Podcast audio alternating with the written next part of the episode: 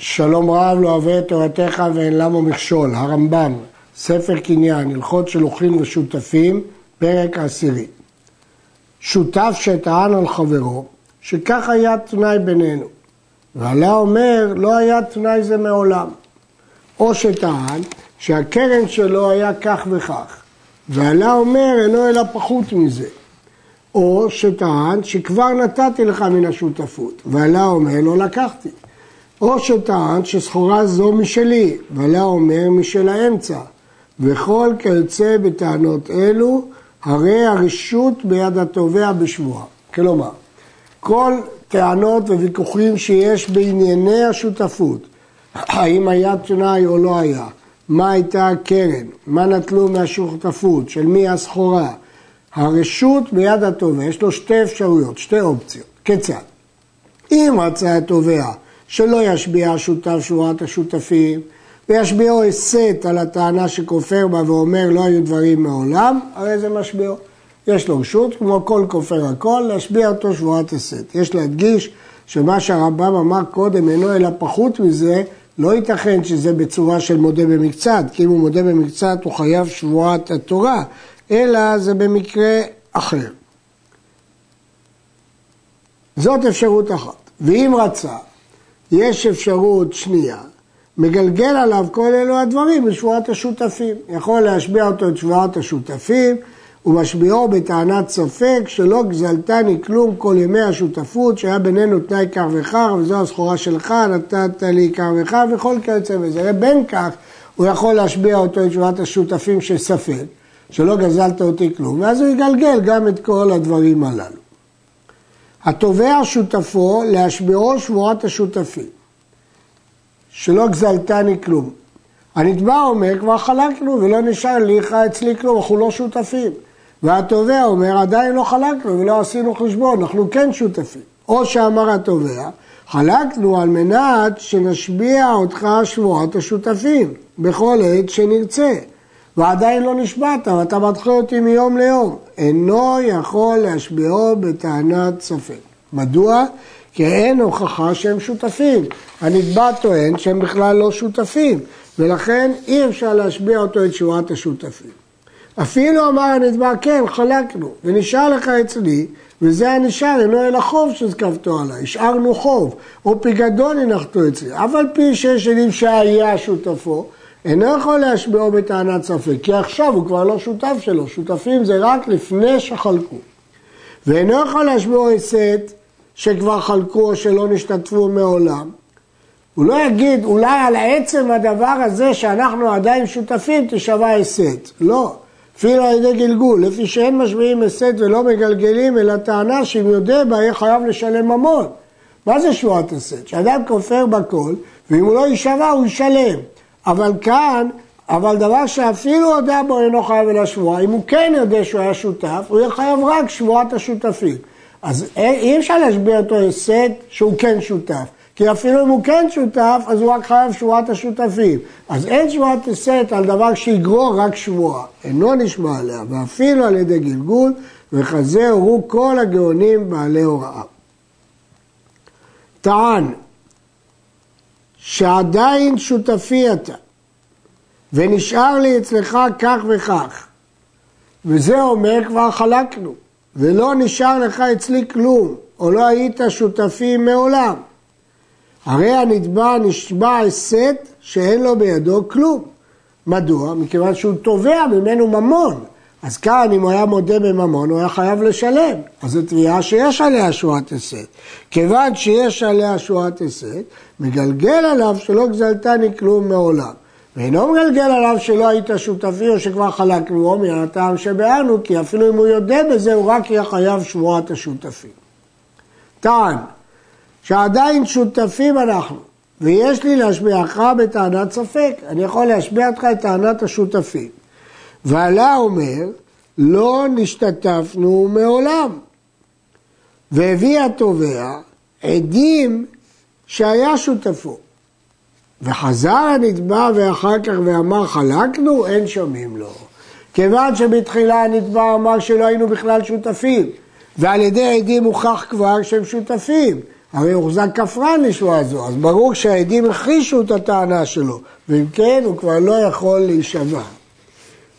ולכן אני מניח שהוא שותף, ואז יישבע שבועת השותפים, וכן כל כיוצא בזה. ראובן, שהטיל לכיס 400 דינרים, והטיל שמרון 200, ונשתתפו, ונשאו ונתנו ביחד. והרי הממון כולו ביד ראובן. שיטת הרמב"ם, שלא משנה כמה כל אחד הכניס לכיס, ההפסד מתחלק ביניהם שווה בשווה. טען ראובן שפחד כל הקרן 500 דינרים, כלומר מתוך ה-600 הפסידו 500 ונשאר 100, אז כל אחד היה צריך לתת 250. אין אומרים יישבע ראובן שבועת השותפים שפחתו כך וישלם שיעור החמישים מביתו. הרי בעצם כל אחד צריך לתת 250. שמעון כבר נתן 200 שהלכו לטמיון, אז שייתן עוד 50. אומר לא, אלא יישבע ראובן שבועת השותפים וילך במנש בידו בלבד ולא ישלם שמעון כלום. שותפות שהפסידה רק מסכום השותפות משלמים, הוא לא צריך להביא מהבית כסף. אז אם ההפסד מחייב אותו להביא מהבית, הוא לא צריך. ולכן, אפילו ששמעון פה תאורטית היה צריך לתת 250, אבל כל השותפות שלו רק 200, אין לו לשלם יותר. הוא לא חייב להביא מהבית. טען ראובן ששמעון ידע בוודאי מבחן זה שפחתו. יגלגל על שמעון שאינו יודע בוודאי סכום הפחת הזה. ואם לא נתעסק שמעון בשותפות זו כלל, יישבע שמעון הסד שאינו יודע בוודאי בזה ההפסד וייפטר. כלומר, עכשיו הוויכוח הוא אחר על עצם ההפסד, האם באמת היה הפסד או לא היה הפסד. אז אם בדרך כלל ראובן צריך להישבע שהיה הפסד, אבל אם ראובן טוען ששמעון יודע, אז הוא יכול לתבוע את שמעון, שבועת הפסד, ולגלגל עליו שהוא לא יודע. אבל אם שמעון בכלל לא יתעסק בשותפות, אז יישבע שהוא לא יודע וייפטר. ולא עוד, אלא אם היה זה המנה הנשאר ביד שמעון, השותפות הייתה 500, והפסידו 400, והמאה הנותנים נשארו אצל שמעון, חולקים אותו בשווה. זה חידוש גדול. למרות ששמעון היה צריך לתת 250, פה בפועל הוא נותן רק 150. למה? שאין השותף מן הנשבעים ונוטלים כדי שישמע וייטול מה שביד חברו. שבועת השותפים לא מאפשרת ליטול מהשני, אלא נשבע ונפטר, או נוטל מדבר שהוא תחת ידו, וייזהר בדין זה שכבר טעו בו בעלי הוראה. כל התביעה הזאת של שבועת השותפים זה לעניין שהוא יישבע וייפטר, או שייטול מממון השותפות. אבל לא לעניין שהוא ייטול מיד שמעון. ולכן אם שמעון תפס את המאה, אי אפשר ליטול ממנו. וייזהר בדין זה שכבר טעו בו בעלי הוראה. יש להעיר שהרייבד חולק ואומר שבכל מקרה של סוג כזה של שותפות, שאחד נתן יותר ואחד נתן פחות, ההפסד הוא לפי החלק היחסי. טען שמעון שיש ללוי עליי חוב בזו השותפות מנה. אני חייב מתוך השותפות מנה ללוי. אם היה בידו כדי החוב, והיה יכול לתנו ללוי, נאמן, הרי זה היה בידו, אז בידו היה לתת, אז ודאי שהוא נאמן, כי הוא יכל לתת בלי לשאול אף אחד. ונותנים החוב ואחר כך מחשבים את החלוקה. ואם אין בידו ליתן, אינו נאמן להוציא מיד ראובן או מן הסחורה ידועה לשותפות, הרי אין ללוי עדים, אין לו שטר, הוא רק סומך על ההודעה של אחד השותפים, שהם הקנוניה הם עושים שמעון ולוי על נכסי ראובן. אולי לוי אמר לשמעון, תודה שהשותפות חייבת לי, אני אקח מהשותפות ואחזיר לך את חלקך אחר כך. ואפילו הייתה מלווה בשטר, אין ראובן חייב לשלם ממנה כלום. גם אם המלווה היה בשטר, אולי הוא פרע את השטר. וכיוון שאולי הוא פרע את השטר, אני לא סומך על ההודעה שלו שהוא לא פרע.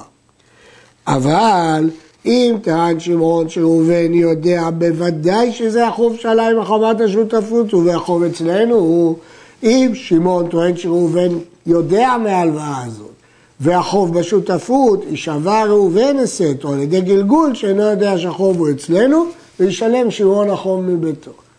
וכן אם יצא שטר חוב על לוי בשם שימעון, פה זה הפוך, שלוי חייב לאחד השותפים, במאה דינרים מממון השותפות. ואמר שמעון, הפרעתי, הוא כבר שילם לי והחזרתי לכיס. או אמר שמעון, קבעתי לו זמן לשנה או לשנתיים, אינו נאמן. מדוע? כי יש את החוב של לוי חייב. אז שמעון פוטר את לוי על חשבון ראובן? הוא לא יכול, אי אפשר לסמוך על ההודעה של שמעון על חשבון ראובן, שהם הקנוניה עושה על נכסי ראובן. כיצד דנים בדין זה? לוי כבר נפטר בהודעת שמעון.